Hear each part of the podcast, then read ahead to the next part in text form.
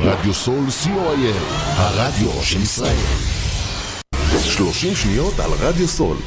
רדיו סול היא תחנת הרדיו האינטרנטית הגדולה בארץ, המשדרת 24 שעות ביממה, מונה 36 שדרנים, ועוברת בשם הוויזואלי.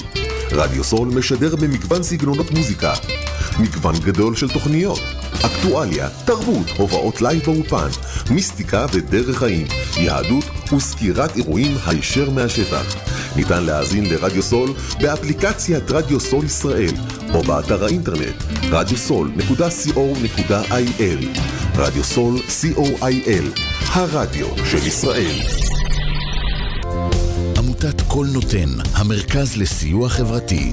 עמותת קול נותן מסייעת למשפחות נזקקות, חיילים בודדים, נוער, נוער בסיכון, אנשים עם מוגבלויות וצרכים מיוחדים. העמותה מקימה תוכניות סיוע והעשרה בתחום התקשורת והמוזיקה ומקרבת בין תרבויות במגזרים השונים. תרומתכם קטנה כגדולה, יכולה לסייע לאלפי אנשים.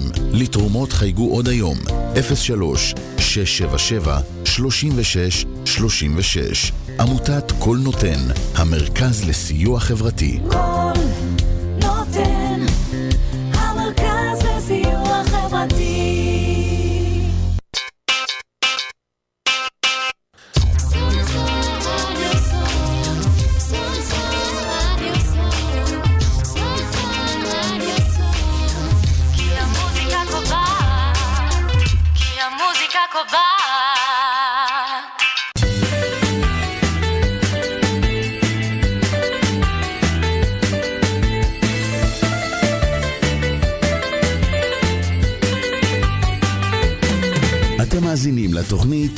"לך דודי" לקראת שבת, בהגשת עמוס צוריאל.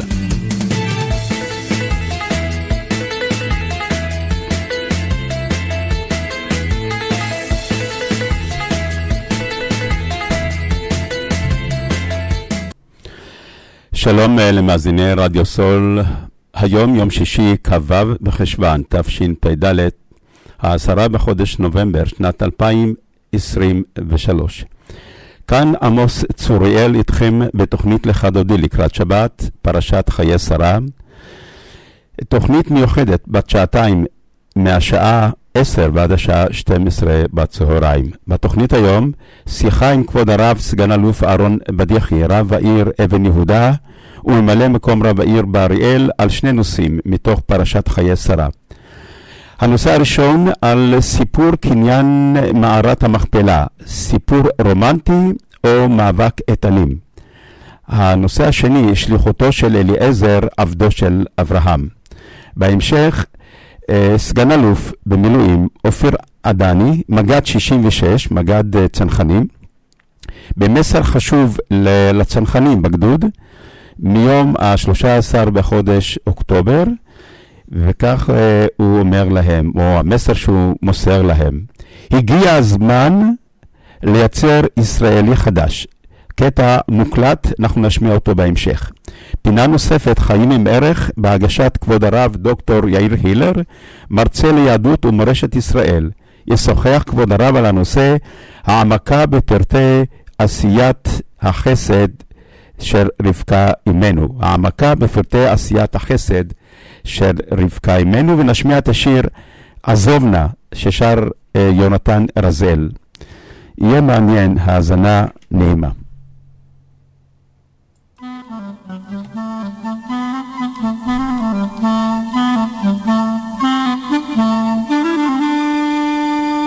לך דודי לקראת כלה, פני שבת.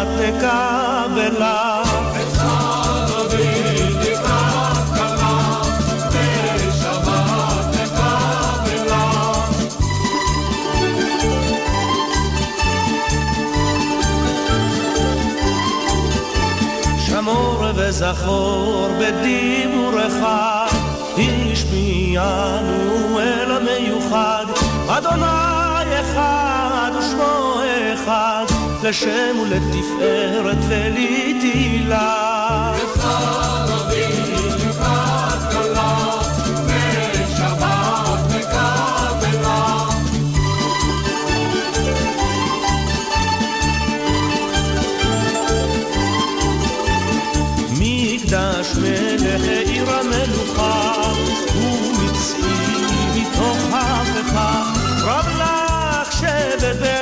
בעמק הבכה, והוא יחמול עלייך חמלה. לקראת כלה,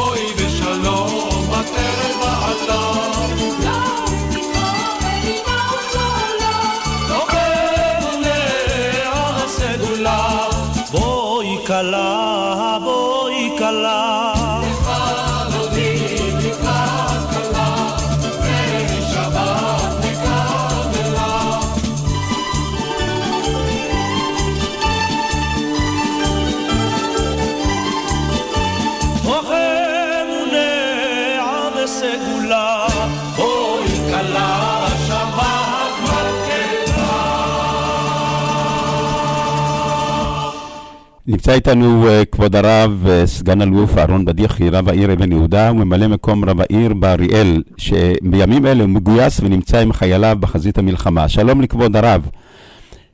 כבוד הרב שומע? כן. כן, אני בקושי שומע, בקושי אני שומע את כבוד הרב. אולי... כן, שומע יותר טוב? עכשיו קצת יותר טוב, כן. אה, כבוד הרב ישוחח על פרשת השבוע, פרשת חיי שרה. אה, בפרשת השבוע, כבוד הרב, אה, כתוב, וידבר אל עפרון באוזני עם הארץ לאמור, אך אם אתה לו שמעני, נתתי כסף השדה, קח ממני, ואקברה את מתי שמה.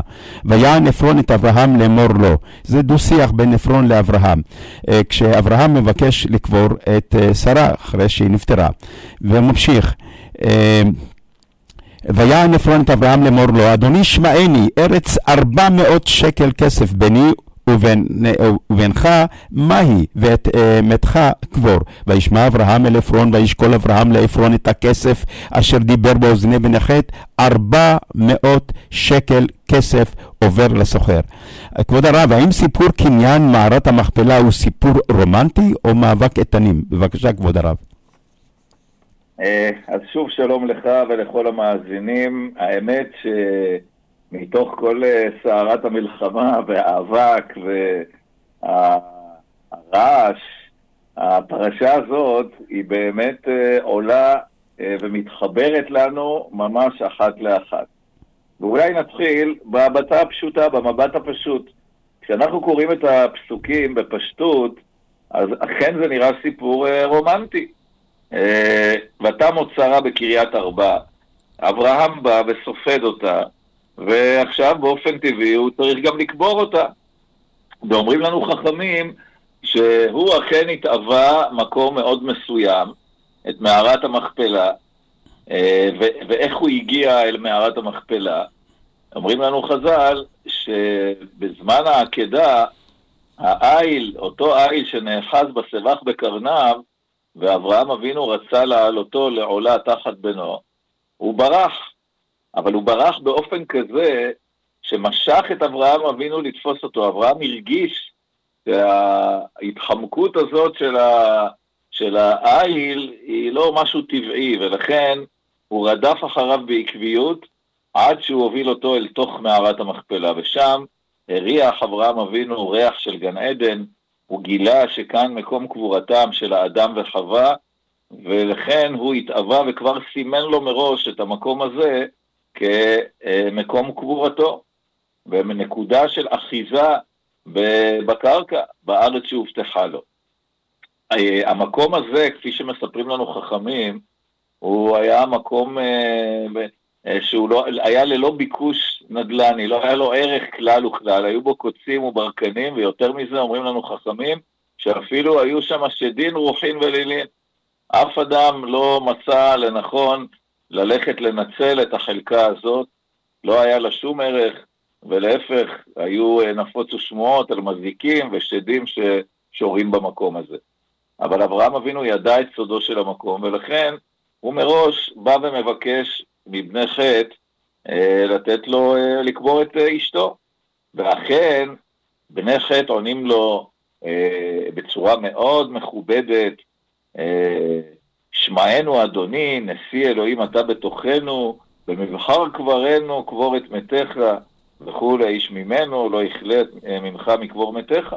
כלומר, תשובה מאוד מאוד מכבדת, אם אברהם אבינו בדבריו נראה כחושש, כן, מדבר איתם בצורה מאוד מפויסת, אז הנה, הם עונים לו תשובה מאוד uh, ברורה, uh, ותשובה מספקת, מעל ומעבר, במבחר קברנו קבור את מתיך, תבחר לך מה שאתה רוצה, אפילו תבחר את המקומות הכי טובים, אנחנו לא נמנע ממך, ניתן לך באהבה, בשמחה, ואכן, כתוב, ויקום אברהם וישתחו לעם הארץ לבני חטא. ושוב, פשוט הפסוק מדברת על כך שאברהם אבינו משתחווה ומודה להם. מודה להם הודעה גדולה. וכאן לכאורה הייתה צריכה להסתיים הפרשה הזאת. זאת אומרת, אם הם נותנים לו לבחור, אז אברהם אבינו היה צריך לבחור את המקום וללכת לקבור את מתו, לא להלין את, אה, את אשתו. ואנחנו רואים שיש כאן עוד uh, מערכה נוספת, דו-שיח כפול עם עפרון, כשהכוונה של אברהם אבינו היא לשלם כסף. ושוב, במבט פשוט, זה נראה אה, לא משהו מסובך במיוחד. אברהם אבינו, הוא לא אוהב מתנות, ככתוב, שונא מתנות יחיה. ולכן הוא רוצה לקנות, הוא לא רוצה לקבל בחינם. בעיות של עשירים. ולכן הוא מבקש את בעל הבית ורוצה לתת לו כסף, וגם כאן מתנהל אה, דו-שיח אה, בין, בין אברהם לעפרון, כשבסוף השיח הראשון, בסוף הדיבור הראשון, גם כתוב שעפרון אה, הוא מוכן ממש לתת, אומר לו, השדה נתתי לך, המערה נתת לך, מה, מה אתה מדבר איתי על כסף? לא צריך, אין שום צורך. בוא, קודם כל תקבור את מתך, אחר כך נדבר. וגם כאן, וישתחו אברהם לפני עם הארץ. הוא מודה לעפרון ממש על הרצון הטוב ו- וכולי. ו- ושוב, הוא מנסה להתעקש על כסף, שזה גם דבר טבעי, דבר הגיוני. אה, וגם כאן עפרון עדיין אומר לו, שמעני ארץ 400 שקל ביני ובינך מהי, ואת מתך קבור. וישמע אברהם אל עפרון, וישקול אברהם לעפרון את הכסף, ואז אה, אה, בזה בעצם כמעט מסתיימת הפרשה. אז אני שואל אותך, עמוס, כשאתה קורא את הפסוקים בפשטות, אז איך זה נראה לך? זה לא, זה לא נראה יפה? זה לא נראה נחמד? יותר מדי אה, טוב, ואני חושב שאברהם אה, דיבר ישירות, לא לקח איתו, לא מתווך, לא עורך דין, דיבר ישר עם המוכר, והציע לו הצעה נדיבה מאוד. אה, כך נראה לי. נכון, כן. ועפרון, עפרון השיב לו בתשובה נדיבה עוד יותר אפילו. הוא לכאורה אומר לו, אני, אני מוותר על הכסף, אני מוותר על הכסף, אבל לא שמעת מה אמרו קודמיי, במבחר קברנו קבור את מתיך, איש ממנו לא יכלה אה, ממך מקבור מתיך? אז למה אתה, אני לא רוצה כסף, אני בשמחה נותן לך בחינם. לכאורה התשובה מעל ומעבר. שונא מתנות, שונא מתנות אה? יחיה. שונא מתנות נכון, יחיה, כן. אז נכון, אז באמת אברהם אבינו מתעקש, אה, וחכמים באמת העירו לנו שעפרון מדבר הרבה ועושה מעט, כי באמת בסופו של דבר הוא לקח את הכסף, אבל בסדר, דבר מקובל, אין לנו שום תלונה על עפרון. עכשיו, אתה מוכר, מוכר, אה, מוכר אה, נדל"ן, אז מגיע לך כסף. זה דבר יפה מאוד. נכון? זה הכל נראה מאוד כן. מאוד יפה. אבל מי שמסתכל על הפסוקים, קודם כל הוא רואה פה כמה דברים ממש גלויים על פני השטח שמעוררים שאלות.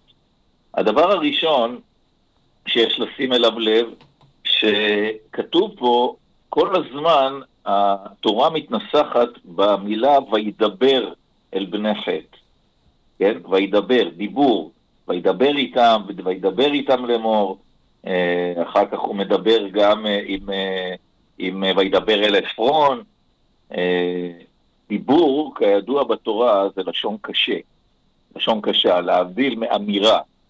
כן? פה היה צריך לכאורה להשתמש במושג הזה, בביטוי, ויאמר, ויאמר עליהם, ויאמר אל עפרון, כן? כי כל הסיפור, כמו שאמרתי, הוא נראה מאוד מאוד רומנטי, כן? זה, זה בעיות של העשירים, יש פה ויכוח של העשירים.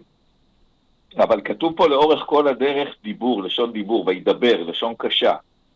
כן? זה אה, אה, תמיהה ראשונה שממש בולטת פה בלשון.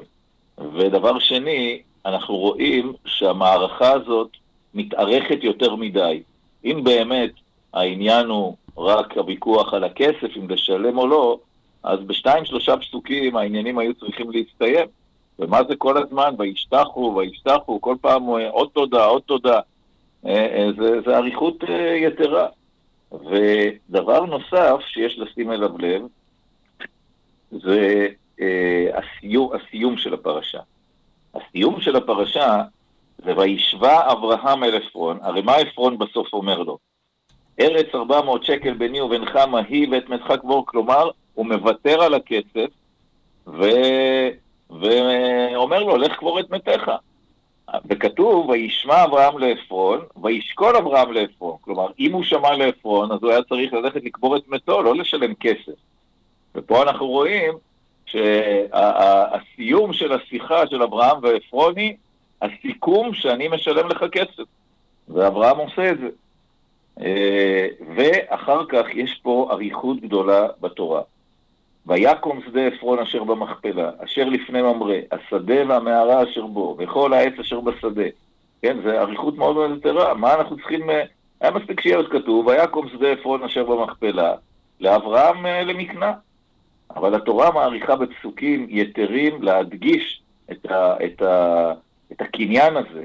ואברהם למקנה לעיני בני חטא בכל שער בהר עירו. ואחרי כן קבר אברהם את שרה אשתו, שוב, אל מערת שדה המכפלה, על פני ממרא, היא חברון, בארץ כנען. כן, פעם שנייה. כבר עברתם לנו קודם בפסוק ארוך את המיקום, את הנ"צ המדויק. מה עוד פעם? ויש לנו פעם שלישית, ויקום השדה והמערה אשר בו לאברהם לאחוזת קבר מאת בני חטא. כלומר, החזרה הזאת, המשולשת הזאת, היא אומרת דורשני.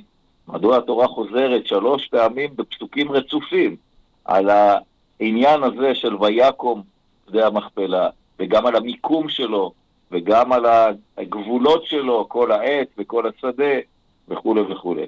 כן, זה אה, אה, מעורר אותנו למחשבה שהיה פה משהו מאחורי הקלעים.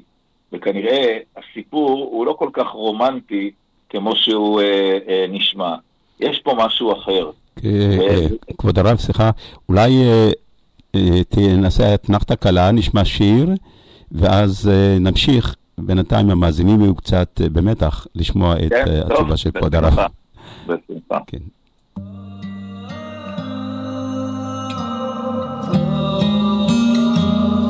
אתם יודעים מה הדרך הכי טובה לצאת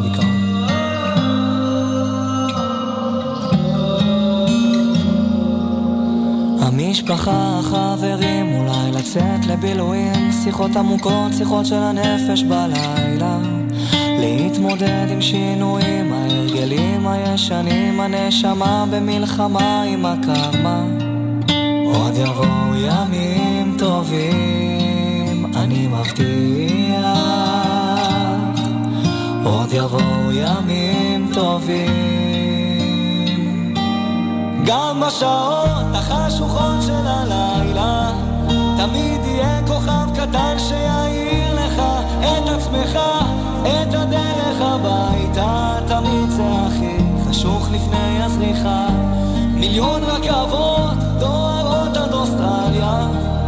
מחפש רחוק את מה שנמצא לך מתחת לאף. כל מכשול זה מדליה קם ונופל אבל בדרך שלך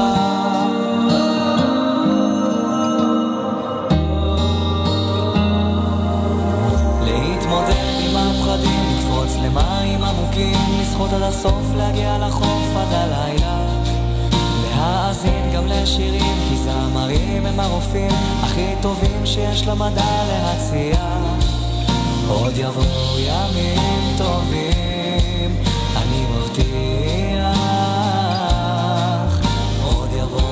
ימים טובים. גם בשעות החשוכות של הלילה תמיד יהיה כוכב קטן שיעיר לך את עצמך, את הדרך הביתה, תמיד זה הכי חשוך לפני הזריחה. מיליון רכבות דוהרות עד אוסטרליה, מחפש רחוק את מה שנמצא לך מתחת לאף מכשול זה מדליה קם ונופל אבל בדרך שלך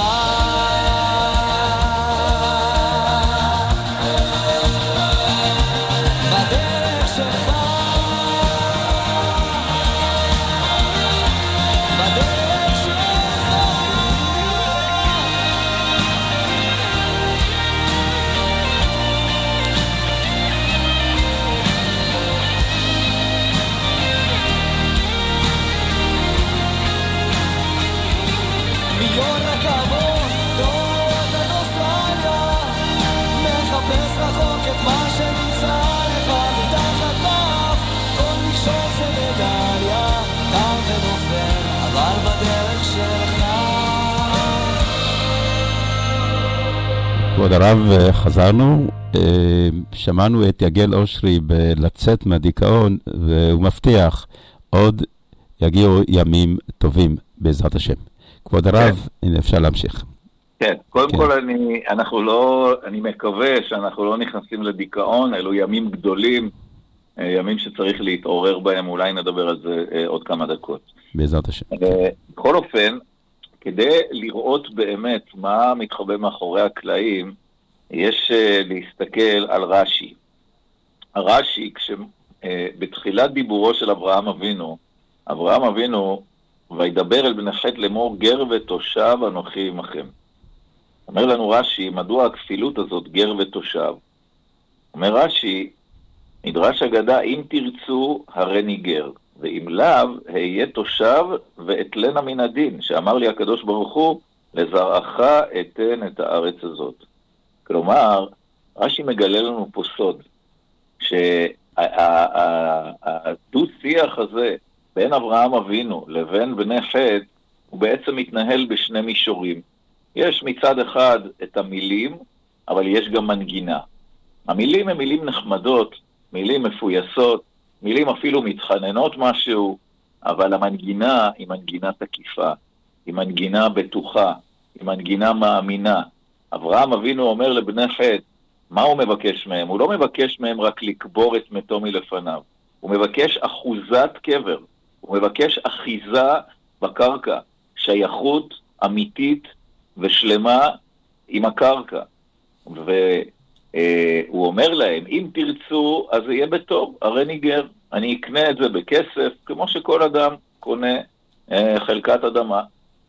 אבל אם לא תרצו, הריני תושב ואתלנה מן הדין, זה שלי. אם אתם לא רוצים, אני אתלנה מן הדין. אני לא, לא, לא, לא אתנהל בצורה הרגילה של בני אדם אה, רגילים. וזה בעצם הבסיס לכל הדו-שיח של אברהם אבינו. ברגע שבני חטא רואים שאברהם אבינו רוצה משהו מסוים, הם ישר מבינים שיש פה עניין. הם ישר מבינים שהאחיזה בנקודת הקרקע הזאת היא נותנת כוח, היא נותנת מעמד, היא נותנת שליטה. אתה יודע, עמוס, שחכמים אומרים שהפתח של גן עדן הוא על הר המוריה, אבל הכניסה למבוא לגן עדן נמצא במערת המכפלה. כן, זה אותו ריח גן עדן שאברהם אבינו הריח כשהוא הגיע למערה הזאת בפעם הראשונה. ולכן, כן, צריך חטא- לחפור אה, מנהרה משם, אה, מערת המכפלה, עד הר מוריה. בוא- כן. לא נתאמץ, כן. ברגע שנהיה ראויים, הקדוש ברוך הוא כן. יראה לנו כבר את הדרך. כי אם אנחנו לא, אז כנראה שלא יעזרו לנו כל החפירות שבעולם. כן. אבל בכל אופן, אה, בני חטא הם לא מוכנים לתת לאברהם אבינו אחיזה בקרקע. ויענו בני חטא את אברהם לאמור לו. אמנם על, על, על לא פה זה ל"ו, אבל הכוונה הסמויה היא ל"א, לא. שמענו אדוני, נשיא אלוהים, מבחר קברנו קבור את מתיך. אחיזה בקרקע, זה אנחנו לא מוכנים לתת לך. ואז אנחנו מפרשים את הפסוק, ויקום אברהם וישתחו לעם הארץ, כל ההשתחוויות האלה של אברהם אבינו, הם לא השתחוויות של תודה, או רק תודה, אלא זה כעין סיום מערכה, כמו בקרבות מגע, כן, מסיימים מערכה, משתחווים אחד לשני. אבל זו השתחוואה שהיא בעצם מכינה כבר את הקרקע למאבק, למהלך הבא. ו, וגם כאן, וידבר איתם לאמור. כן, הדיבור ממשיך להיות דיבור קשה, דיבור תקיף, דיבור בטוח, כן? ככה אנחנו צריכים לראות את המהלך הזה. ואם כן, אנחנו רואים כאן מאבק איתנים בין אברהם אבינו, שבא אמנם בשפה מפויסת מאוד, מתחננת אפילו משהו, אבל ביחד עם זה הוא בא עם הרבה ביטחון. הוא עם, עם מנגינה שלא מותירה שום ספק לבני השיח שלו מה הכוונה האמיתית שלו. ועל זה מתנהל הוויכוח, ויכוח איתנים, קרב איתנים, אה, בין בני חטא. כשבני חטא מבינים שהמאבק הוא אבוד מבחינתם, אז הם שולחים את עפרון. אומרים לנו חכמים, עפרון הוא לא היה בכלל מראשי, כתוב, ועפרון יושב בתוך בני חטא, כן? אז כאילו מעמד, יש לו איזשהו מעמד. אומרים חכמים, עפרון היה איזשהו פדאיון, הוא בכלל היה משולי החברה החיתית. אז למה הם שלחו אותו לפניהם? כן? כדי להילחם עם אברהם אבינו. הם כבר הבינו שהמאבק הוא אה, אבוד, אבל הם חיפשו אדם שיהיה מוכן, אה, איך אומרים, להיות הסוס השחור שלהם ולעשות, בכל זאת לנסות, גם אם הוא אה, אה, לא, לא יצליח. כן, ועפרון היה מוכן ליום אחד לקבל איזשהו אה, מצלמות, תקשורת, שלטון, כן, והוא מנסה, שוב, לייצר את הדו-שיח הזה עם אברהם, שהוא במפורש אומר לו, לא אדוני, כן, מה שאתה מבקש, אנחנו לא יכולים לתת לך, אבל עזוב, למה אתה מתווכח? בוא תקבור את מתך, תעביר לי את ה-400 אלף שקל האלה, עובר לסוחר, שים אותם באיזשהו מקום, אה, בבנק אה, בחוץ לארץ, ואת מתך קבור, בשביל מה לעשות רעש? כן, הוא מנסה בצורה ככה דיפלומטית לצאת uh, מורווח מכל הצדדים ולהרגיע את, ה, את האווירה. אבל אברהם אבינו כן, הוא כבר, הוא כבר הרוויח שמזכירים אותו בתורה. זה כבר uh, רווח גדול מאוד. נכון, מלך כן. ליום אחד, הוא נזכר כבר לדורות, אה, לדורות כן. עולם. נכון כן. מאוד. ו, ובסופו של דבר, אברהם אבינו, הוא לא שואל אותו יותר שאלות. ברגע שהוא הבהיר לו את הכוונה, אברהם אבינו עושה מעשה חד צדדי. הוא שוקל, נותן לו את הכסף ולוקח את המערה.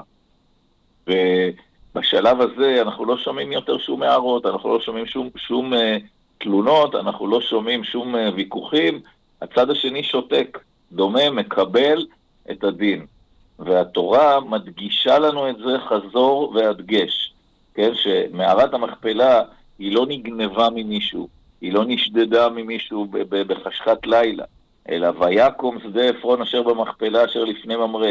השדה והמערה אשר בו וכל העץ אשר בשדה בכל גבולו לאברהם למקנה לעיני בני חטא.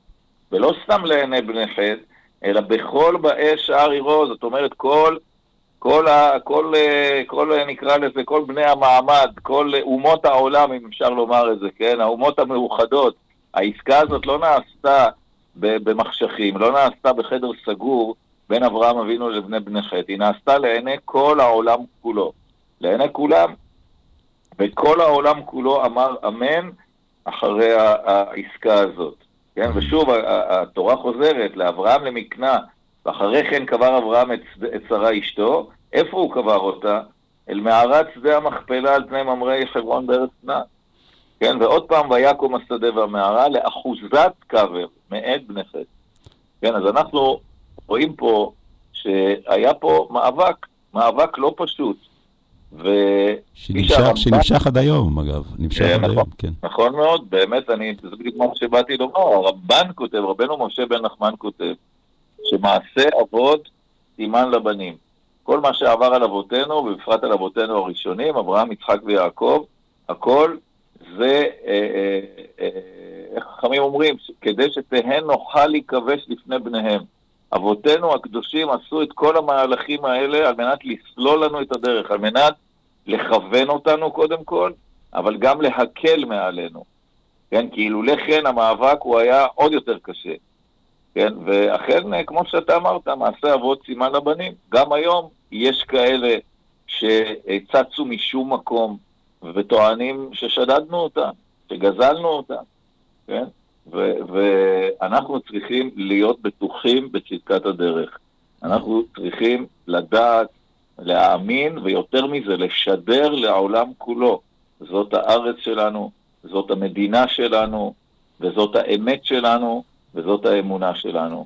וכשאנחנו יונקים ממעיינות האמונה האלה, אז אנחנו לא צריכים אפילו מלחמה. אומות העולם, הם אה, אה, יענו אמן, יענו אמן. ואנחנו אני, אני, אנחנו מאוד מתפללים, מתפללים כולנו תפילה שהאמונה הזאת תלך ותקיף את כל שדרות העם, את ההנהגה, ו, וסוף המהלך הזה, למרות שהוא עקוב מדם, אבל בסופו של דבר יביא להכרה הזאת, קודם כל בתוכנו, קודם כל אצלנו, ומתוך כך גם על העולם כולו, שהאדמה הזאת היא שלנו, הארץ הזאת היא שלנו, והצדק והשלום צריכים לשכון ולשרות בה. לא רק לטובתנו, אלא לטובת העולם כולו. אמן, אמן. אנחנו נעשה אתנחתה נוספת, אה, נשמע שיר, ואחר כך נדבר על שליחותו של העבד אליעזר.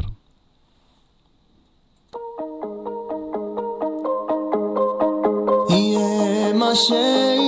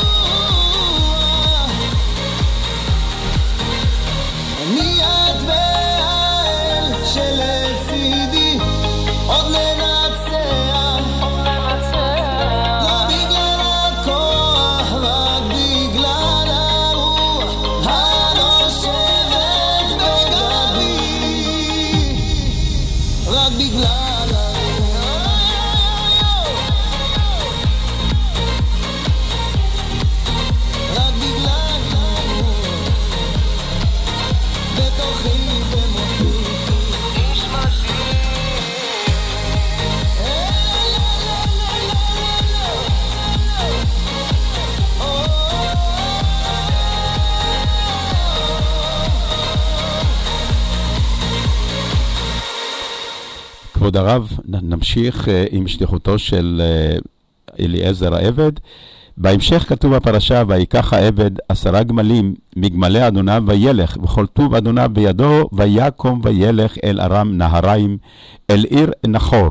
ויברך הגמלים מחוץ לעיר אל באר המים לעת ערב, לעת צאת השואבות.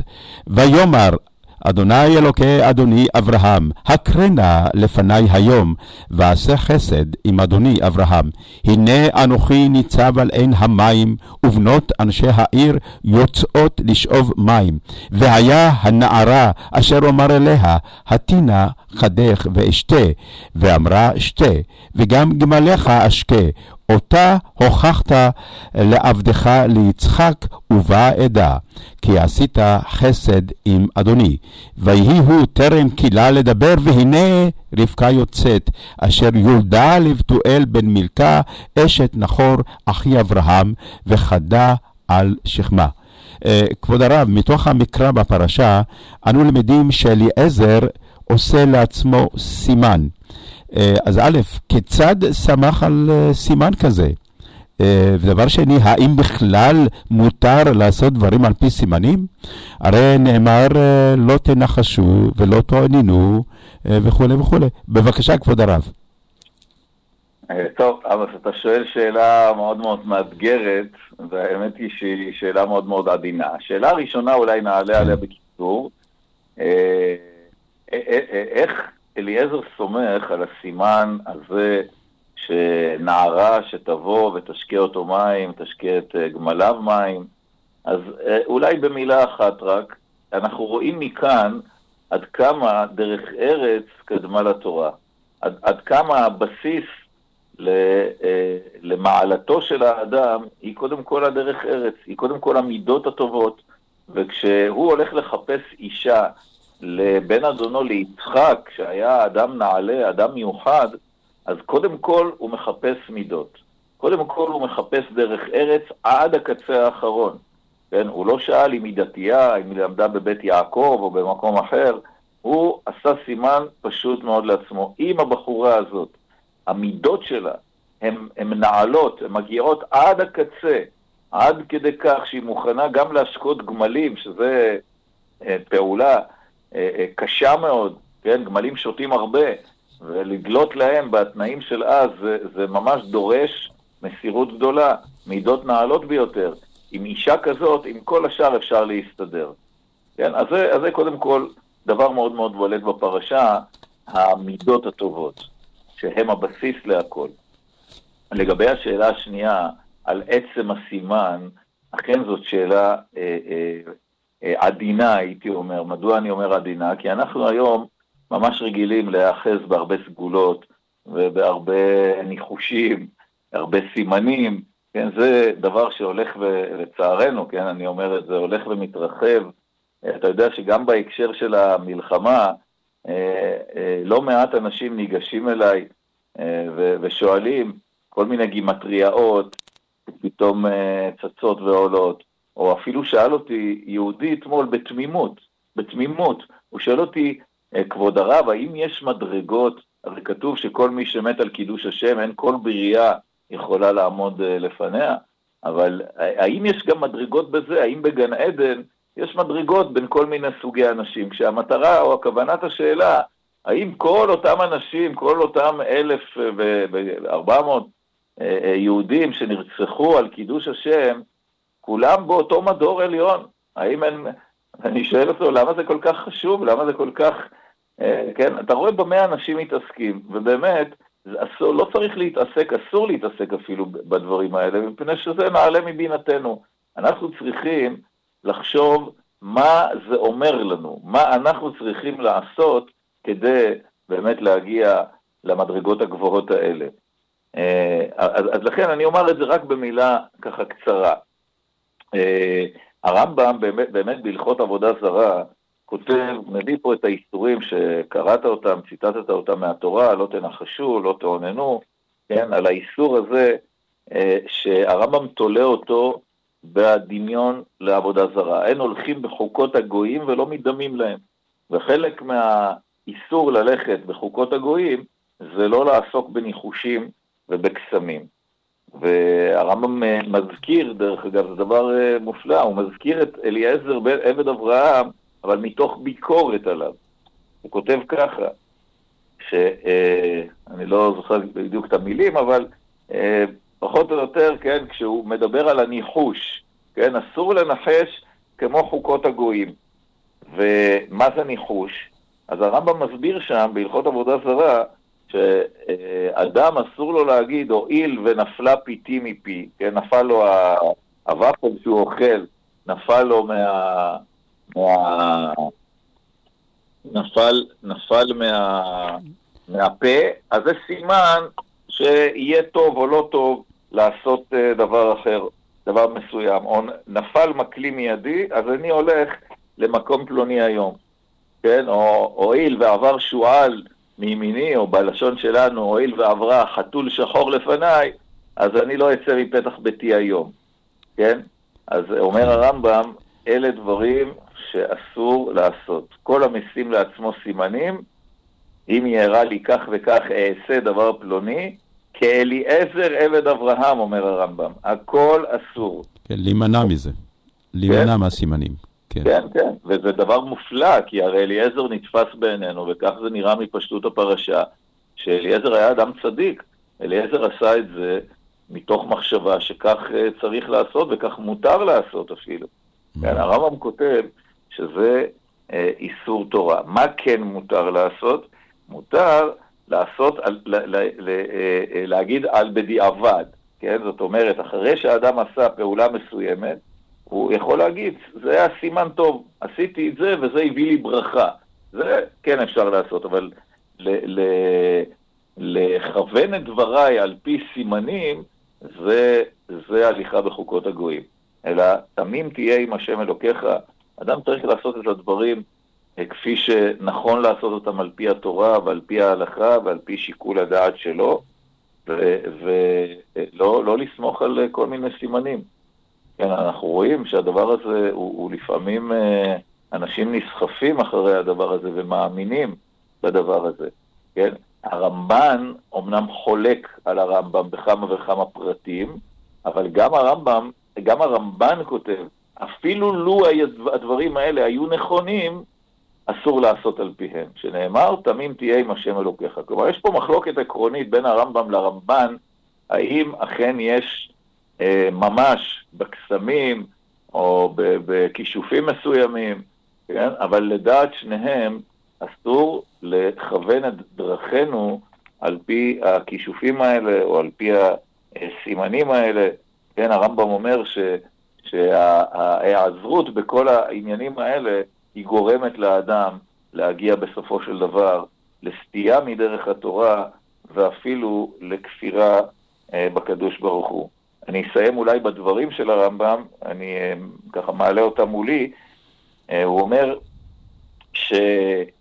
אה, ואין ראוי לישראל שהם חכמים מחוכמים להימשך בהבלים האלו, ולא להעלות על לב שיש בהם תועלת, שנאמר כי לא נחש ביעקב ולא קסם בישראל. ונאמר, כן, כל המאמין בדברים אלו וכיוצא בהם, ומחשב בליבו שהן אמת ודברי חוכמה, אבל התורה אסרה אותן, אינו אלא מן השכלים ומחסרי הדעת וכולי. אבל בעלי החוכמה ותמימי הדעת ידעו בראיות ברורות שכל הדברים האלה שאסרה תורה אינם דברי חוכמה אלא תוהו והבל. כן, ועל זה הזהירה התורה, תמים תהיה עם השם אלוהיך. אלוהיך. כן. אז אנחנו צריכים להיות תמימים עם הקדוש ברוך הוא, ואני רוצה באמת אה, לסיים, קודם כל לחזק את ידי חיילינו ואת כל כוחות הביטחון. כן, אנחנו הרבה פעמים שוכחים שצה"ל לא פועל לבדו, אלא פועל יד ביד עם כוחות הביטחון האחרים, הנוספים. אה, קודם כל לחזק את ידם, שכולם יחזרו בשלום בעזרת השם. אמן. ולחזק את אה, ידי משפחות החטופים ולהתפלל ביחד איתם שכל החטופים יחזרו בשלום במהרה, וכמובן לא אמן. לשכוח גם את הפצועים, ש... אה, והחלמה מהירה ורפואה שלמה, ולהשתתף. מכאן בצער כל משפחות החללים. שיהיה לכולנו שבת שלום, בשורות טובות, ישועות ונחמות. תודה, תודה אה, לכבוד הרב, ואני מאחל לך ולמשפחתך שבת שלום, ו... ומשם, מהמילואים, אה, תחזור הביתה בשלום, שהשם ישמור אותך. בעזרת השם. אמן, כל טוב.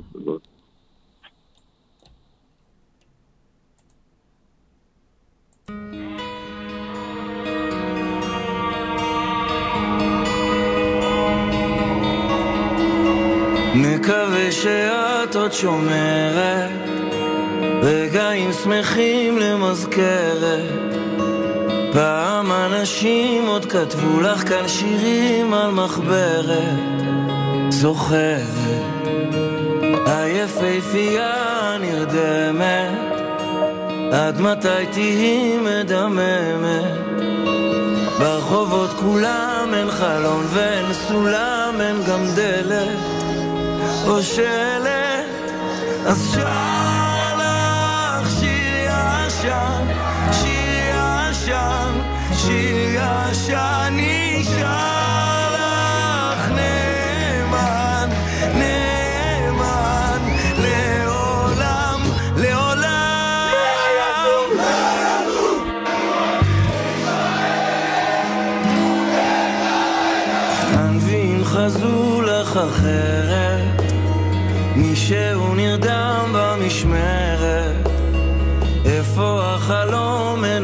ואין שלום אין גם צדק.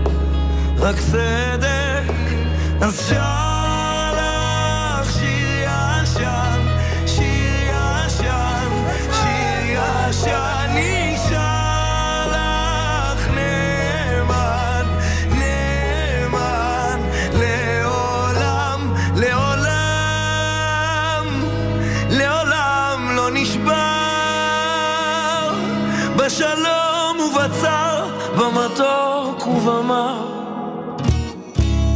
רק איתך אני שר No more, Senator Biden. We have no place else to go.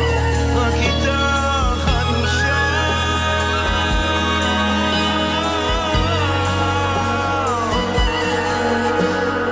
את היחידה מיוחדת, לעולם תהיי לי מולדת. גם על סף תהום, גם בתוך הגיהנום, את גן עדן, גן עדן. תשכח ימיני, תדבק לשוני לחיקי, אם לא אזכרכי, אם לא אעלה את ירושלים, על ראש שמחתי.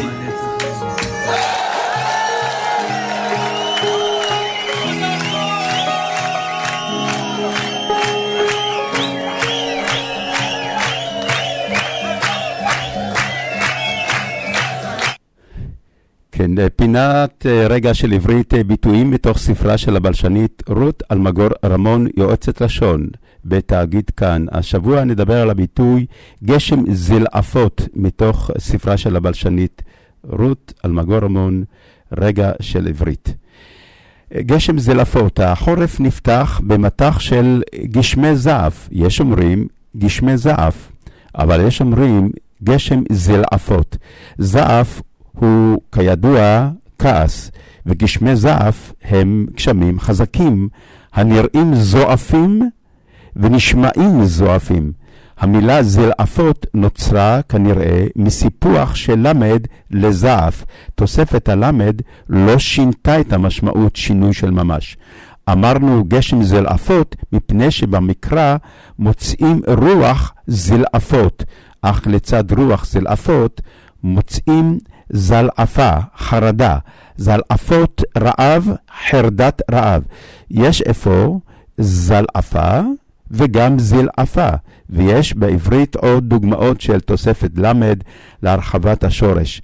אף שהתהליך משוער וקשה להוכיח- להוכיחו. יש מסבירים שהשם גלבוע הוא הרחבה של השורש גבע, שורש המילים גבעה ומגבעת. אה, ובכן, אה, גבעה, מגבעת, גביע, גלבוע וגבעול מקורם כנראה גם מהשורש גבע עם תוספת למד. וכן זעף וזלעפות או זלעפות מקורם אחד. כך מתוך ספרה של רות אלמגור רמון.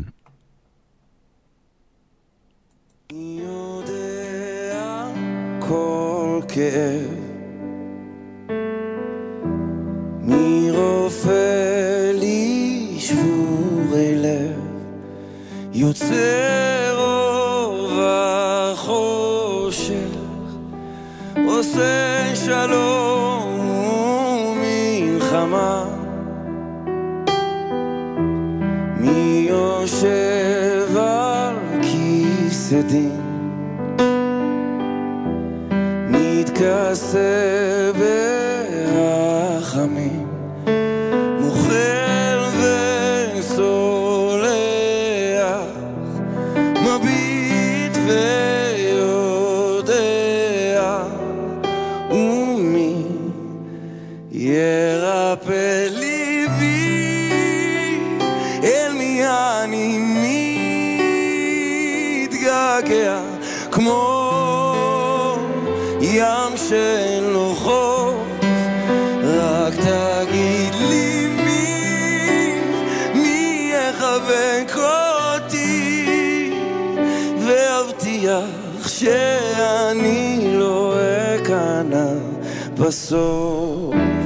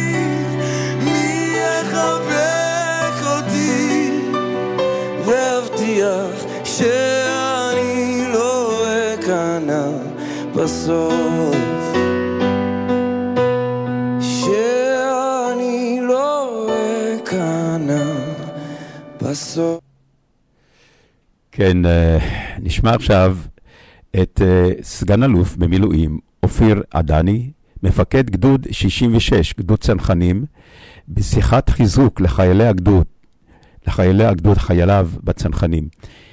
והוא מוסר להם מסר ברור, אה, ציוני, יהודי וישראלי.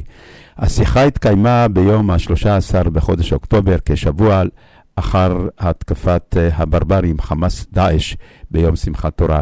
שבוע לאחר מכן, אה, עופר עדני, סגן אלוף, אה, במסר חשוב מאוד, לא רק לחיילים, גם לנו. יאללה חבר'ה, שקט רגע.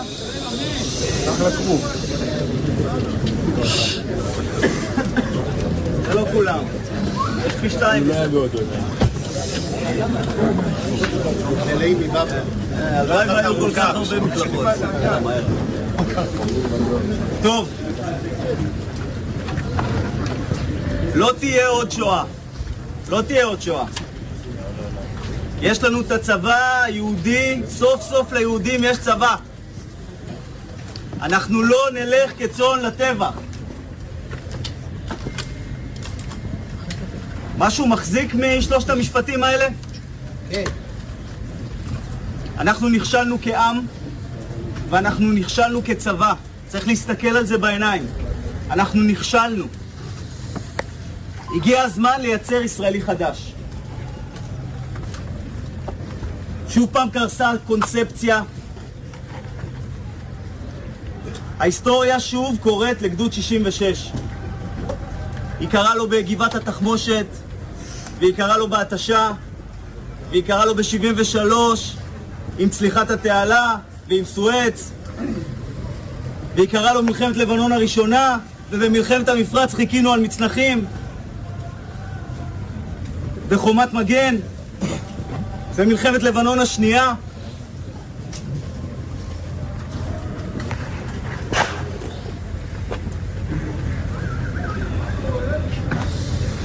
תשמעו, הגדוד הזה, הוא נמצא בכל אה, תא בגוף שלי. הגדוד הזה ואתם. הוא מיצוי כל מה שטוב במדינה שלנו. לוחמים, ערכים, רעות, שותפות, סובלנות, לוחמים, לוחמים, אי אפשר אחרת. לוחמים, פה יש לוחמים. התנדבות, תרומה לכלל, זה הרוח שלנו, חבר'ה. זה גדוד 66. זה התבנית שהולכים לצקת אליה את הישראלי החדש. אני אומר לכם. כי אחרת אין עתיד פה. תביטו אחד בשני, חבר'ה. אתם המודל שיאפשר את קיומה של מדינת ישראל. לא פחות. אתם תאפשרו את קיומה של מדינת ישראל. אנחנו בראש מורם נתעל את התחושה הזאת של הזעם והזעזוע לנחישות קטלנית. כל מי שמביט בנו כשאנחנו יחד מבין ששום דבר לא יכול לעצור את הגדוד הזה. אנחנו הולכים להשמיד את המפלצות האלה ואנחנו הולכים לנצח. ואנחנו הולכים לבנות את העם שלנו מחדש אחר כך.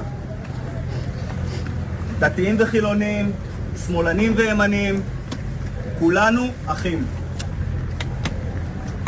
שבת שלום גדוד 66. אני אומר עכשיו גדוד, אתם אומרים 66 הכי חזק שאתם מסוגלים, זה יקרה שלוש פעמים. גדוד! 66! גדוד! 66! גדוד! 66! שבת שלום!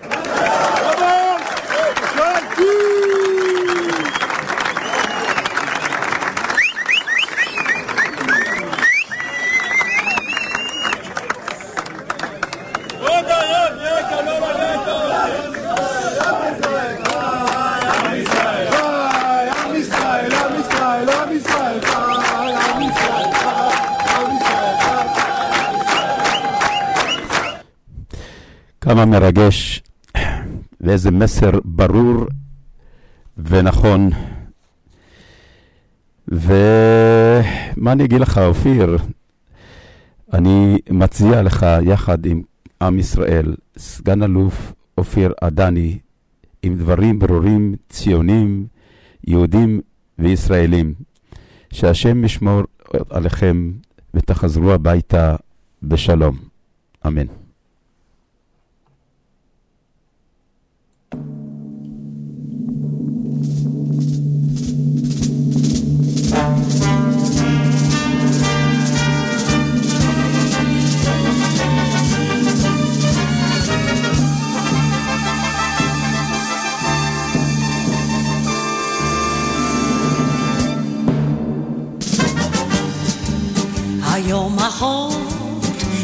מלחמתנו, לכן רחוק אני מכאן.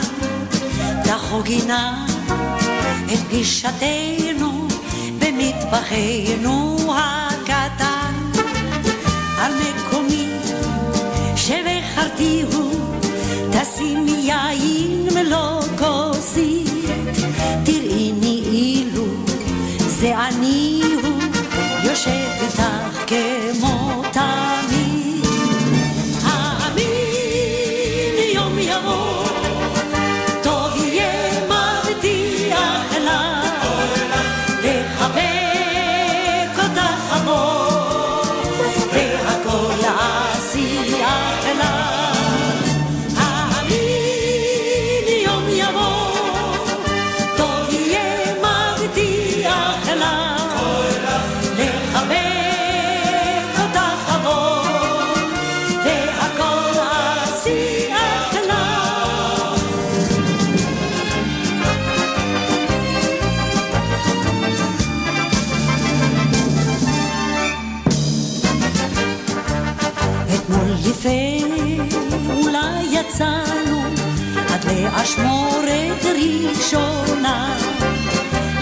שקטנו ונרגענו, ומחשפה כה הלבנה. את פגישתי איתך זכרתי, ושמלתך ירוקה.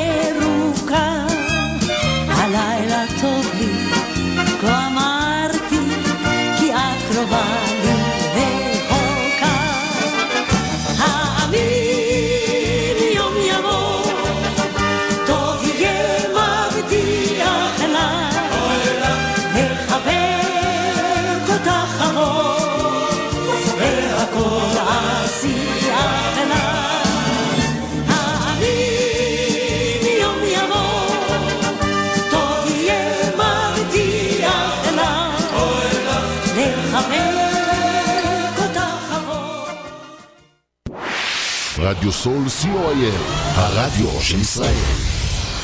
30 שניות על רדיו סול. רדיו סול היא תחנת הרדיו האינטרנטית הגדולה בארץ, המשדרת 24 שעות ביממה, מונה 36 שדרנים, מועברת בשם הוויזואלי.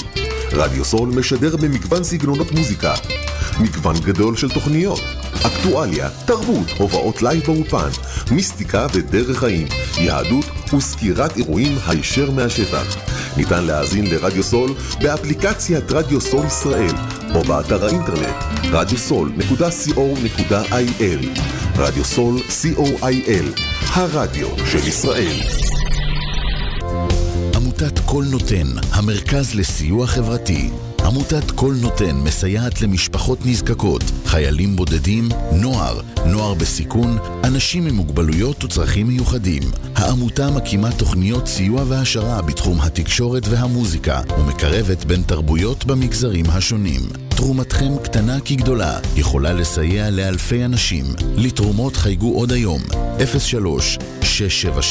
03-677-3636. עמותת קול נותן, המרכז לסיוע חברתי. קול נותן, המרכז לסיוע חברתי.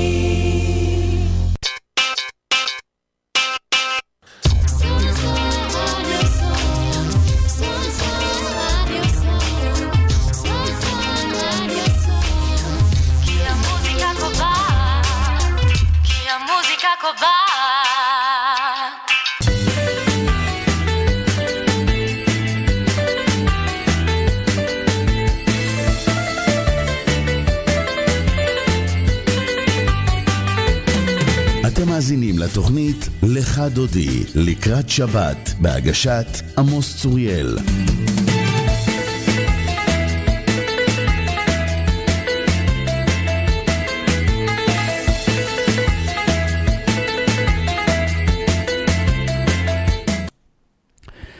מאזינים יקרים, אנחנו בשעה השנייה של תוכנית לך דודי לקראת שבת, תוכנית לפרשת חיי שרה.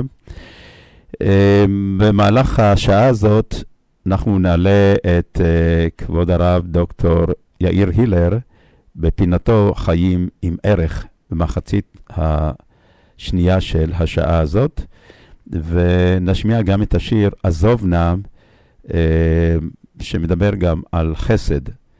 כבוד הרב ידבר על הנושא העמקה בפרטי עשיית החסד של רבקה אימנו.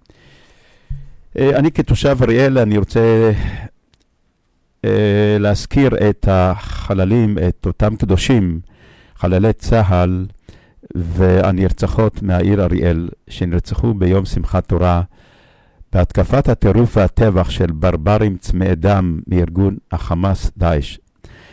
קרינה פריטיקה גולדשטיין, השם ייקום דמה, בת סבטלנה ויבגני. יוליה דידנקו, השם ייקום דמה, בת סבטלנה.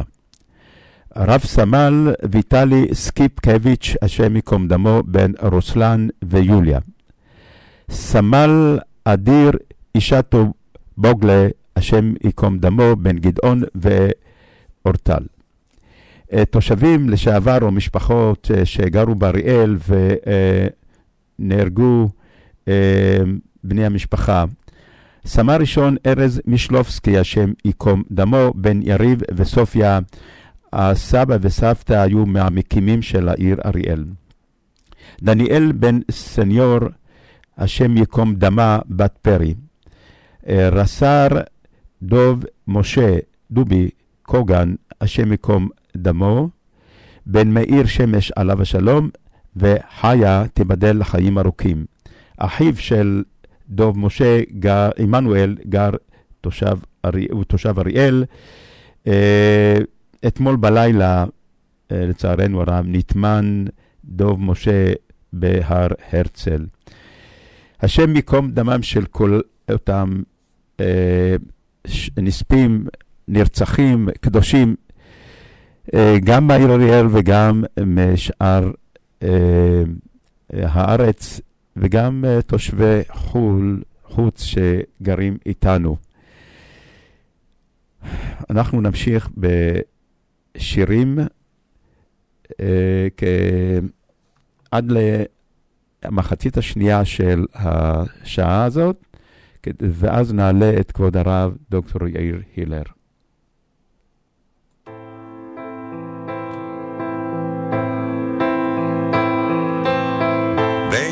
האפל הנסתר בעולמנו המר.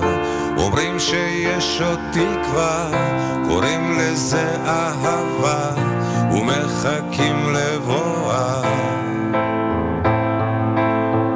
בין האתמול לעתיד, בין האוצר לתחתית אומרים שיש עוד תקווה, קוראים לזה אהבה ומחכים לבואה בין הבלבול לאסון, תדעו שיש פתרון, קוראים לזה אהבה. בין הזיוף לאמת, בין כל מה שחי למת, ישנה אהבה. יש בי אהבה והיא תתעורר ותיגע. יש בי אהבה והיא תנצח. יש בי אהבה והיא תתעורר ותיגע. יש בי אהבה והיא תנצח. בין השפיות לשינה, בין הילדות לזקנה, אומרים שיש עוד תקווה, קוראים לזה אהבה, ומחכים לבואה. בין האתמול לעתיד, בין האוצר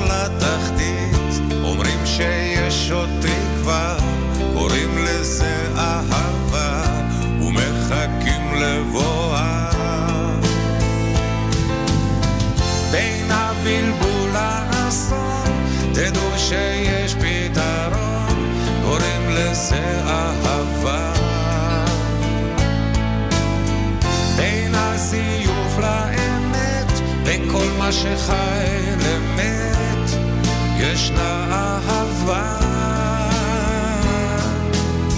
יש בי אהבה והיא תתעורר ותיגע.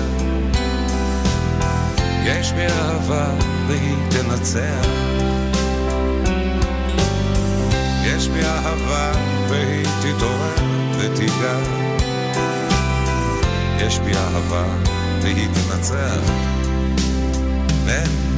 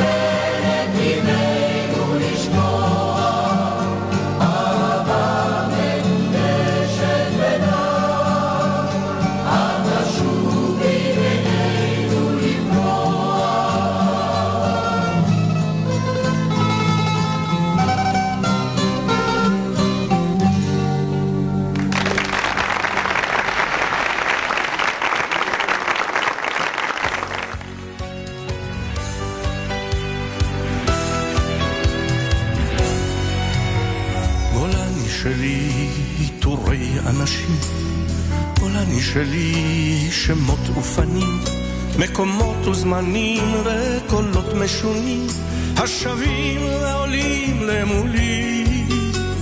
גולני שלי מלחמת שחרור, גולני שלי אותו הסיפור של מצליח יעל, של כל עם ישראל, השבים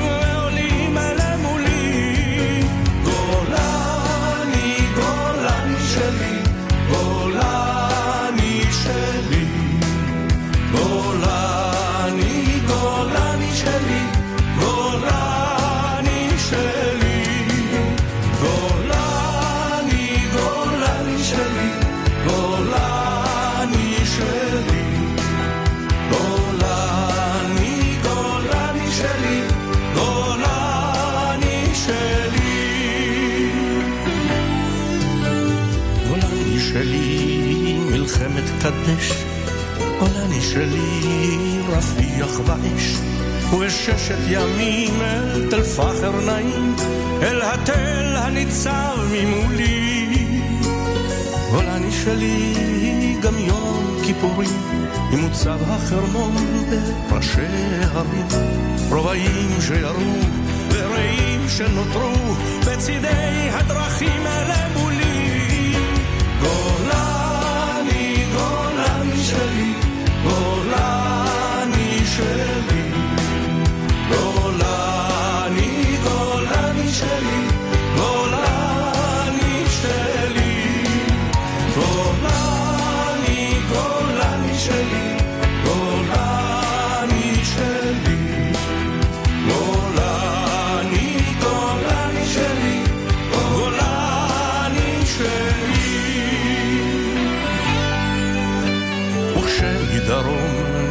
נפתחה הרעה, גולני שלי שוב בראש השורה.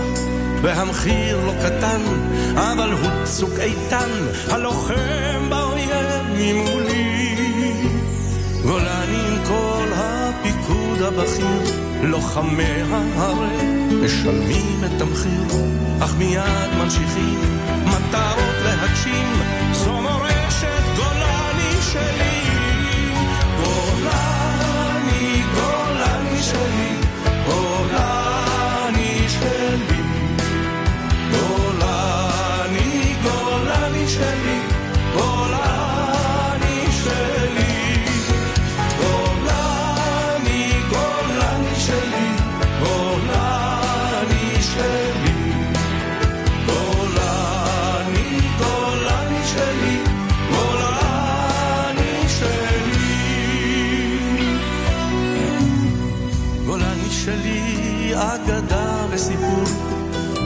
גולני שלי ללא אות ועיטור של אתמול שעבר מול תקוות יום מחר השבות ועולות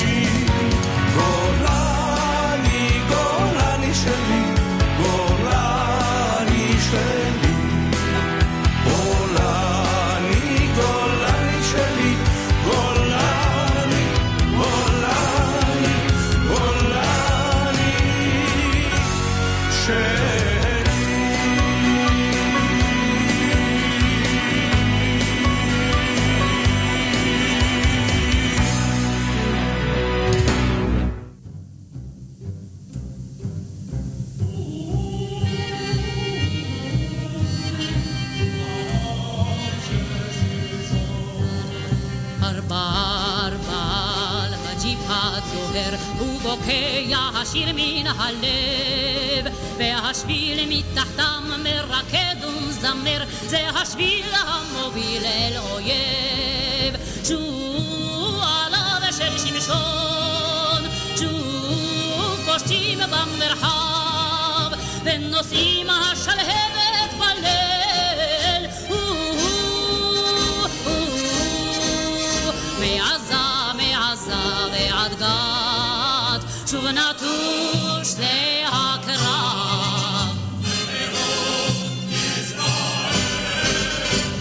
האזינו מצרים לשירו של שמשון, הוא בישר את הקץ לפלישתים.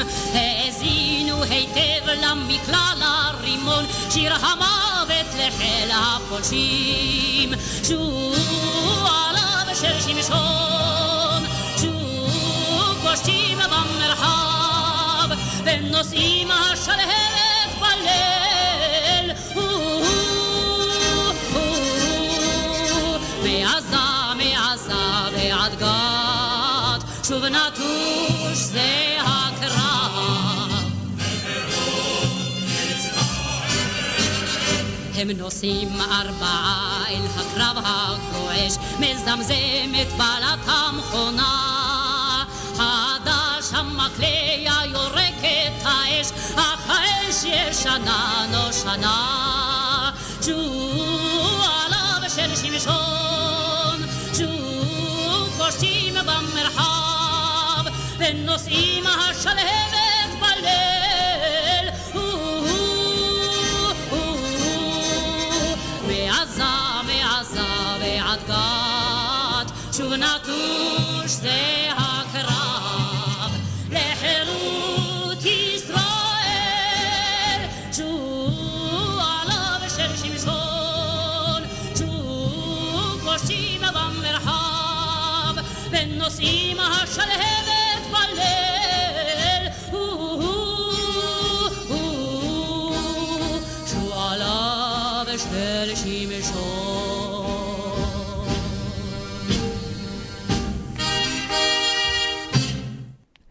נדב ליניאל, אה, דוקטור לספרות עברית במחלקה ללימודי המזרח התיכון באוניברסיטת מישיגן, כותב ב-14 לחודש אוקטובר,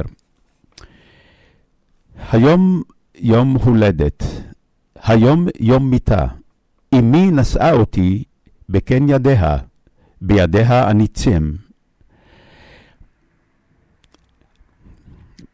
בידיה הניצים. האדמה פתחה ידיה לטמון את המתים, אוויר שרוף. שי ליום הולדת, פנינו מגועל, מגועלים, הלבנה טלית פניה, טלית של אור, משוך על פני מתים. היום יום הולדת, היום יום מיתה. בין ענפים הקן, חלול ומקורה, היום הוא יום מיתה. בין ענפים הקן, חלול ומקורה, האדמה גדושה שמות, עתה עוטה הערב, שיר כמו תחבושת, עתה הוא שיר קינה. כחלום ללא קץ, כך הוא כותב על השבעה.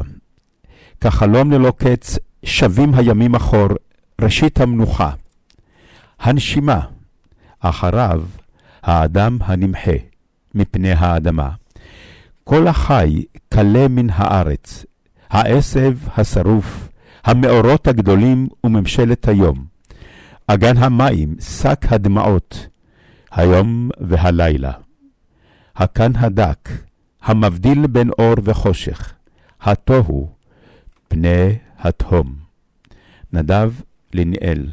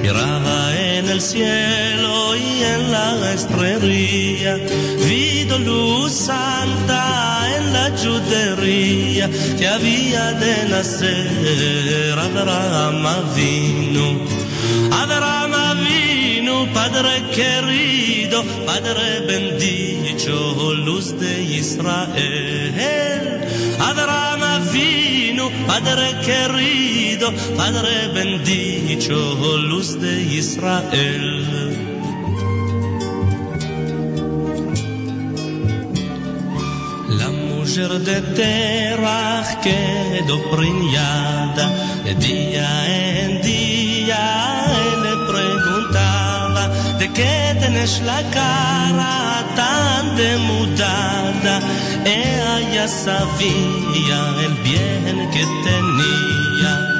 Abraham vino, Padre querido, Padre bendito, luz de Israel.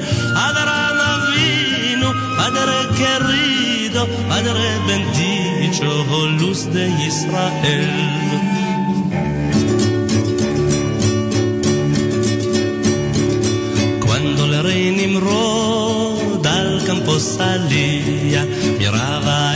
cielo y en la estrella, vido luz santa en la yudería que había de nacer Abraham Avinu. Abraham Avinu, Padre querido, Padre bendito, luz de Israel. Abraham Avinu, Padre querido, Padre bendito. Luz de Israel.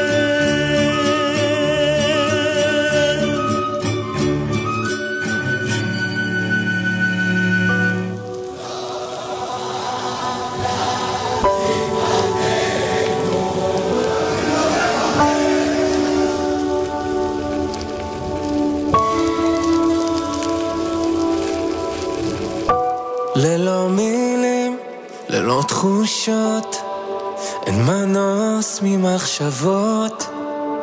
יש פה קרע לא מוסבר, איך שרים כשהלב נשבר.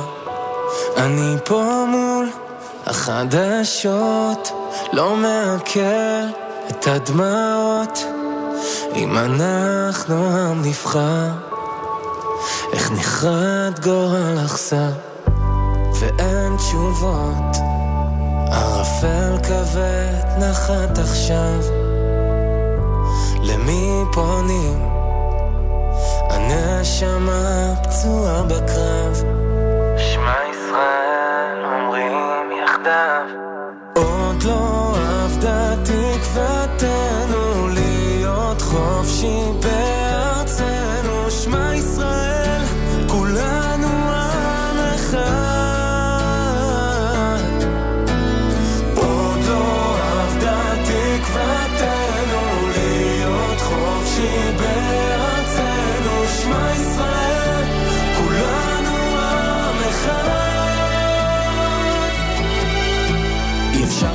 במילים את הזוועות, הנפש פצועה, רק רצינו לרקוד, לא רוצים עוד לראות אמהות שבוכות. מה כבר ביקשנו בשקט לחיות? אין לנו ארץ אחרת, גם אם האדמה פה בוערת. אז די לפילוג, די לשנאה, מסתכלים עלינו, מנצלים את החולשה, זה הזמן לאהוב, להפיץ את התקווה, להרים את הראש, לחייך חזרה, כי כולנו אחים לא רק במלחמה. עם ישראל זה אותה משפחה, אנחנו ננצח, אין פה ספקות, בהיסטוריה ניצחנו בכל הקרבות, כל השונאים יאללה ביי, עם ישראל חי.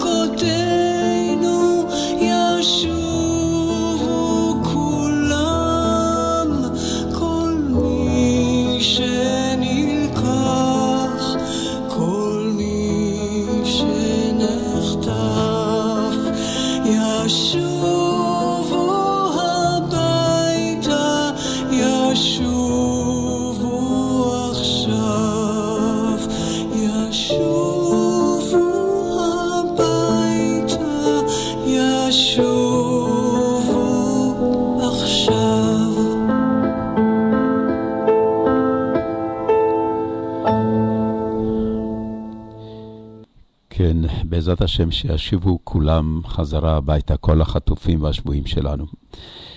פינת אה, חיים עם ערך, אותה ערך ויגיש כבוד הרב דוקטור יאיר הילר, דוקטור ליהדות ומורשת ישראל, מרצה לתנ"ך ויהדות.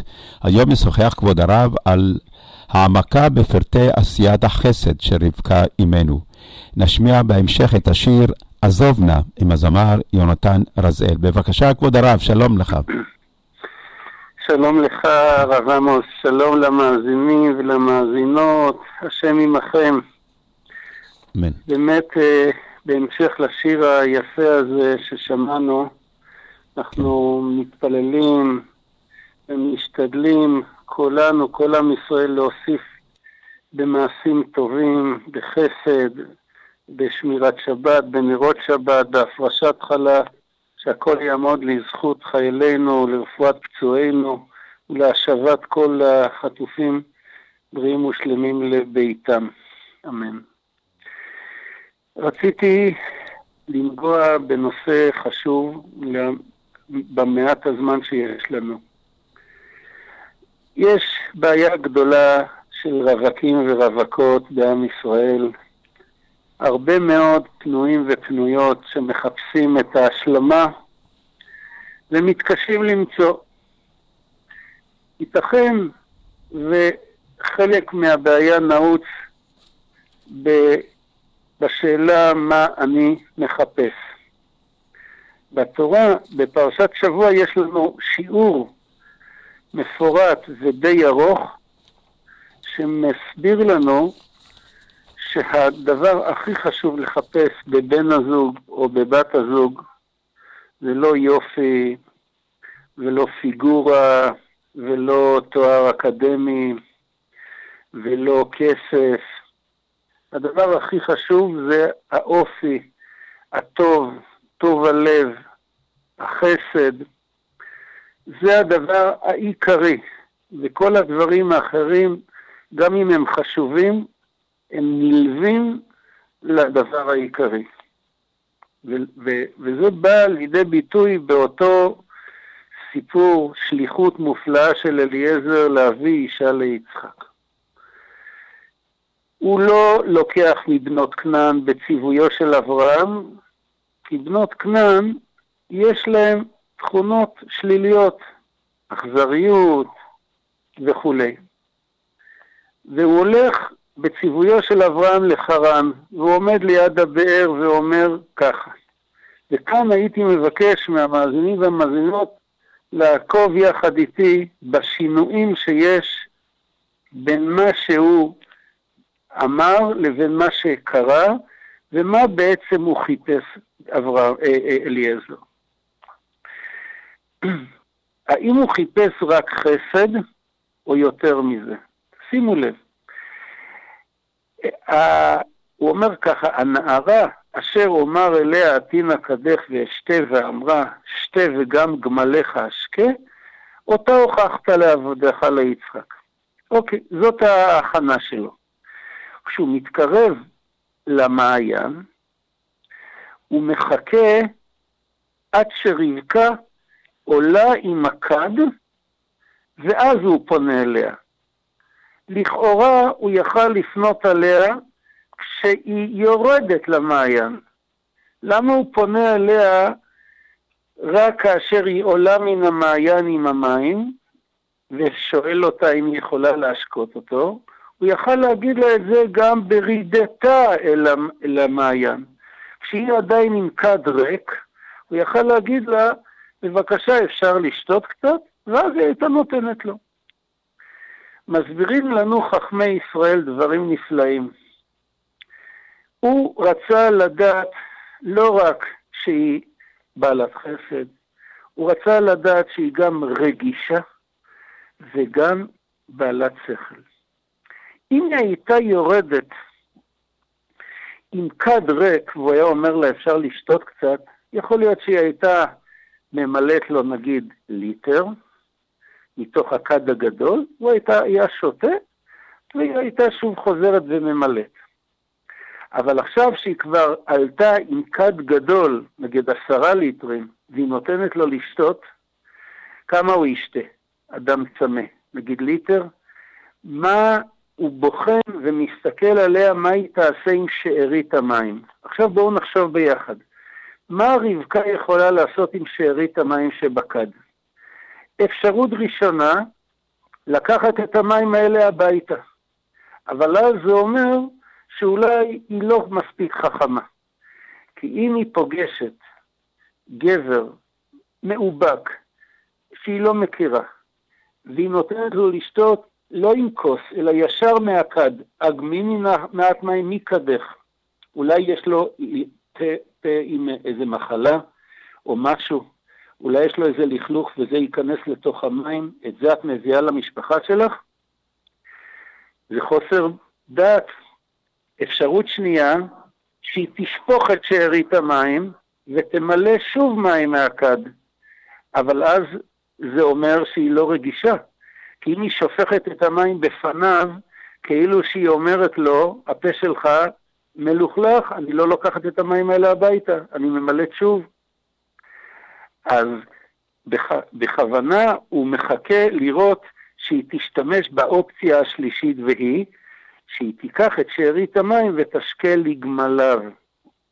ואז היא גם נבונה, והיא לא לוקחת את המים שהוא, מ, מ, את, את הכד שהוא הצמיד עליו את פיו, היא גם לא שופכת את המים לפניו, אלא היא משתמשת בשארית המים להשקות את הגמלים.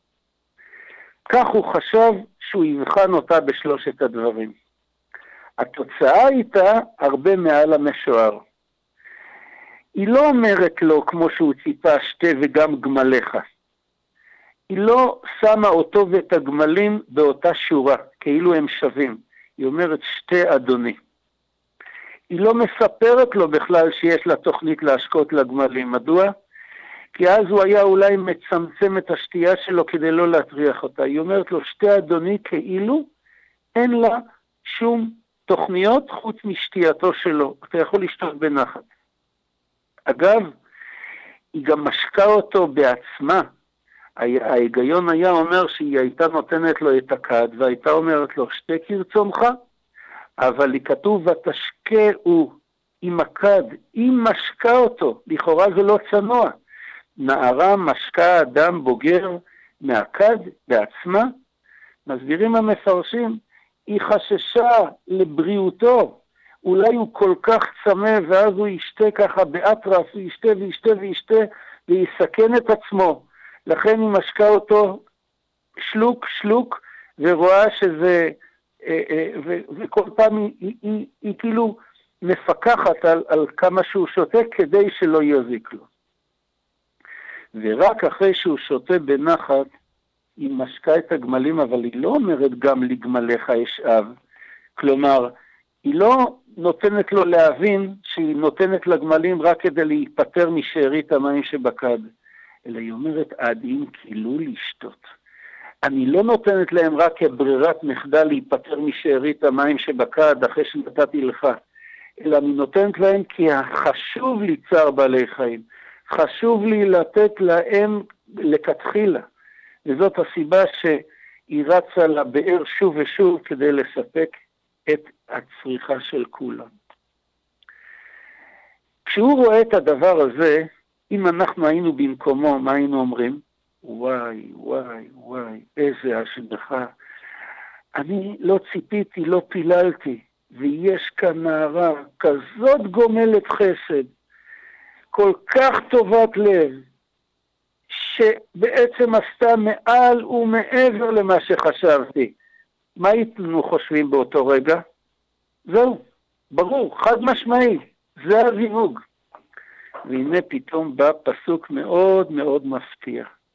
פסוק כ"א, והאיש משתהה לה, מחריש לדעת, ההצליח השם דרכו אם לא. רבי עמוס, זה, זה, זה, זה פלא מה שאני שואל. איך יכול להיות שאחרי כל הדברים אליעזר עדיין משתאה. הולך עם סימני שאלה, זה זה, זה לא זה, זה כן זה? פלא. אומרים כאן המפרשים דבר נפלא. בואו תתארו לכם שאתם מגיעים למסעדה, ובא למסעדה, בא אליכם איזה מלצר, נחמד, ערב טוב, שלום, מה אתם רוצים? הוא מביא, מגיש, ואחר כך הוא שוב בא ושואל, אולי חסר משהו, וכל פעם הוא אומר את זה עם קידה, ואומר בבקשה, וכולי. יכול להיות לכם הרגשה, וואי, איזה אדם צדיק זה, איזה אדם טוב לזה, תראו איזה חסד הוא עושה איתנו. אבל מה כולנו יודעים, שמה יהיה בסוף הסעודה? לשלם. הוא יגיש חשבונית, חשבון, כן. והוא יבקש טיפ, ואז אנחנו מבינים שכל הנחמדות שלו זה כדי שנבוא למסעדה ונאכל ונבוא עוד פעם, אבל זה לא אומר שום דבר על עצמו. בא למסעדה, חינך אותו ואמר לו, תשמע, אתה תבוא ללקוחות ותדבר איתם בנעימות ובחיוך וכולי. כן, כי המטרה העיקרית היא לא הכנסת אורחים, המטרה העיקרית היא בסוף החשבונית והטיפ.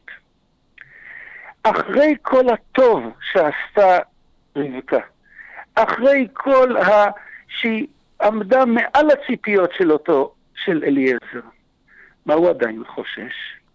שאולי כשהיא תגמור הכל, תסיים להשקות את הגמלים ואת אנשיו, היא תעצור רגע, תנשום עמוק ותגיד לו, אוקיי, עכשיו נעשה חשבון. כל דלי זה עשרה דולר, וכל זה זה ככה, וסך הכל זה ככה, ותוספת מע"מ זה ככה. אם היא הייתה אחר כך אומרת לו את התשלום, מה היה מתברר למפרע? שהכל, שהכל הצגה, שהכל אינטרסנטי, שזה לא חסד, אלא זה הכל במטרה שבסוף התייר הזה שהזדמן לאזור ממלא את כיסי בכסף. לכן הוא משתאה, הוא מחכה, הוא ממתין, והוא עדיין לא מגיב. מתי הוא מגיב? כשהיא סיימה, הולכת שואבת לבית שלה, מתרחקת לכיוון הבית שלה, ואז מתברר לו שהיא לא רוצה שום דבר, ואז מתברר לו שהכל אמת, ואז מתברר לו שהיא צדיקה, ורק אז הוא רץ אליה ואומר לה, היי, עצרי, וכולי וכולי וכולי וכולי. כן? כלומר, מה שניסינו לעשות קצת, זה לדייק בחסד. יש כאן, חז"ל מלמדים אותנו על הפסוק אשרי משכיל אל דל. כשעושים חסד, זה לא רק לבוא ולשפוך ולשים ולהניח, צריך השכלה, צריך דיוק ביחס לאורח, צריך דיוק בכל דבר ודבר.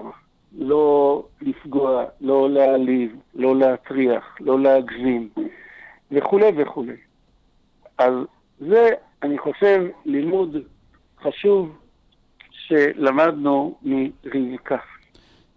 כן, על, אני חושב שרבקה היא uh, שאבה את החסד שלה מאברהם אבינו, והתרחקה מאחיה הלבן עם הצד השני של, של אה, אברהם.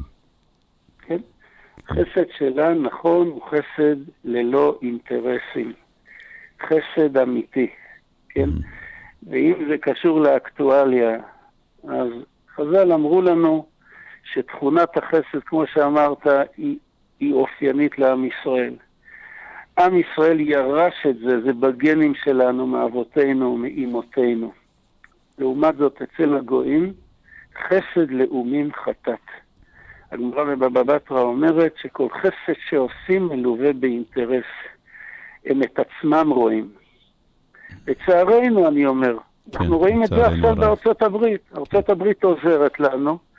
היא עוזרת לנו כי יש לה אינטרס מאוד ברור. ויחד עם העזרה שלה, ותודה על העזרה שלה, היא מלחיצה אותנו ועוצרת אותנו ועושה לנו כל מיני התניות וכל מיני מחשבות שאחרי המלחמה הזאת אה, הרשות הפלסטינית היא זו שתשלוט ושתי מדינות לשני עמים. כן? דברים שלא מתאימים, לא מתאימים. זה לא... עם ישראל עכשיו מתגלית העוצמה שלו, החיבור שלו, האהבה הפנימית שלו, האחדות שבתוכו. אז אה, כן, זה באשר ל- לפרשה. כן, אה, מאוד אה, דברים אה, נפלאים ומלמדים אותנו למה לדבוק, למידה הזאת, מידת החסד. יש לנו עוד איזה דקה או שתיים? אה, עד אה, 54, כן. יופי. אני רוצה לספר סיפור קטן, כדי באמת, ששמעתי מרב צבאי, חבר טוב שלי, הרב איציק אמיתי, שמתרוצץ בין היחידות, הוא עצמו סרן. הוא מספר על גדוד שעומד להיכנס לפני עזה. אני מספר את זה רק כדי להבין איזה מעלה, איזה צדקות יש ללוחמים שלנו ולמפקדים. עומד גדוד לפני כניסה לעזה, ויש הרבה חששות. ויש שיחת מג"ד, ואחר כך שיחה שלו, של אותו רב. והמג"ד, בדרך כלל מג"ד, יש איזה דיסטנס בינו לבין החיילים. הוא סגן אלוף, והם... אה, זה. והמג"ד משוחח איתם על ה... תכף נכנסים לעזה, עוד אה, 1,500 מטרים עוברים את הגדר ונכנסים למשימה, ואז הוא אומר להם, בעם ישראל יש כלל, תשובה, תפילה וצדקה מעבירים את רוע הגזרה. תפילה וצדקה זה עניין אישי של כל אחד מכם, אבל אני רוצה להגיד לכם משהו על התשובה. אם אני פגעתי באחד מהלוחמים, הוא עומד, הוא עומד מול מאות לוחמים, אם פגעתי במישהו מכם, אמרתי לו משהו לא כראוי וכולי, אני כרגע, רגע לפני כניסתנו, מבקש סליחה. ואם מישהו פגע בי, בי, במג"ד, אני מוחל לו בכל הלב. וואו, ואז הם נכנסים. פנימה. להבין מה זה מפקדים של צבא ההגנה לישראל, איזה אנשי קודש הם, איזה אנשים יקרים הם, איזה דרגה גבוהה הם נמצאים, וה, והמלחמה הזאת העלתה לדרגה גבוהה לא רק אותם, אלא את כולנו, כולנו, כולנו. יהי רצון שגם אחרי המלחמה נדע לשמר את הרוח הגדולה, את האחדות המופלאה, את רוח ההתנדבות, שזה לא יתנדף חלילה, אלא נמשיך לשמר את זה הלאה והלאה, ובעזרת השם בזכות האחדות והאהבה נזכה לגאולתנו השלימה. אמן, אמן ואמן. אני מודה לכבוד הרב, ואני חושב שעם מפקדים כאלה וחיילים כאלה, בעזרת השם ננצח ונכריע מהר את אה, המלחמה הזאת, וזה עם ישראל. עם ישראל ינצח, עם ישראל לנצח. אמן. תודה. תודה. שבת שלום לכולם. שבת שלום. שבת כל שלום, כל טוב.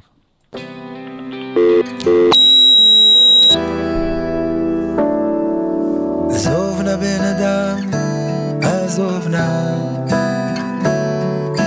עזוב שמץ ודיבה.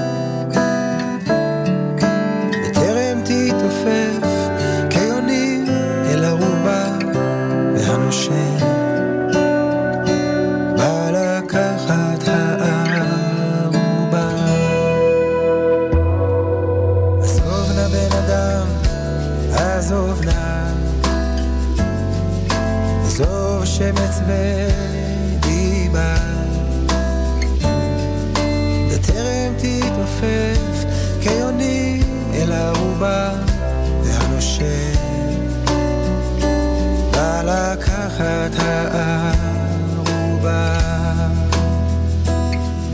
שוב וזכור את היום הבא, יום קצר והמלאכה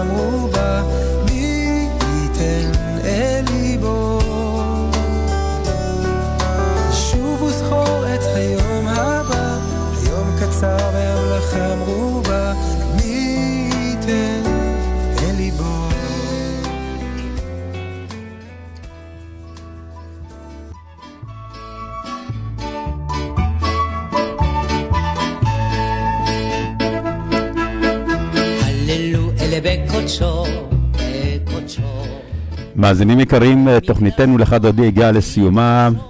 אנחנו שומעים ברקע, אה, ברקע את הללויה שבת שלום עם שושנה דמארי, הדלקת נרות שבת באריאל ב-4.24 דקות, צאת השבת ב-5 ו-20 דקות. ירושלים, כניסת שבת ב-4 ו-3 דקות, צאת השבת ב-5 ו-20 דקות. תל אביב, כניסת שבת ב-4.26 דקות, צאת השבת ב-5.22 דקות. בחיפה, ב-4 ו-12 דקות תיכנס השבת, צאת השבת ב-5 ו-20 דקות. נשוב בתוכנית נוספת של אחד דודי ביום שישי הבא. אחריי דניאל כוכבי בתוכניתו "באנו לעשות שמח". המשך האזנה נעימה. עם ישראל, בעזרת השם ינצח. שבת שלום ומבורך.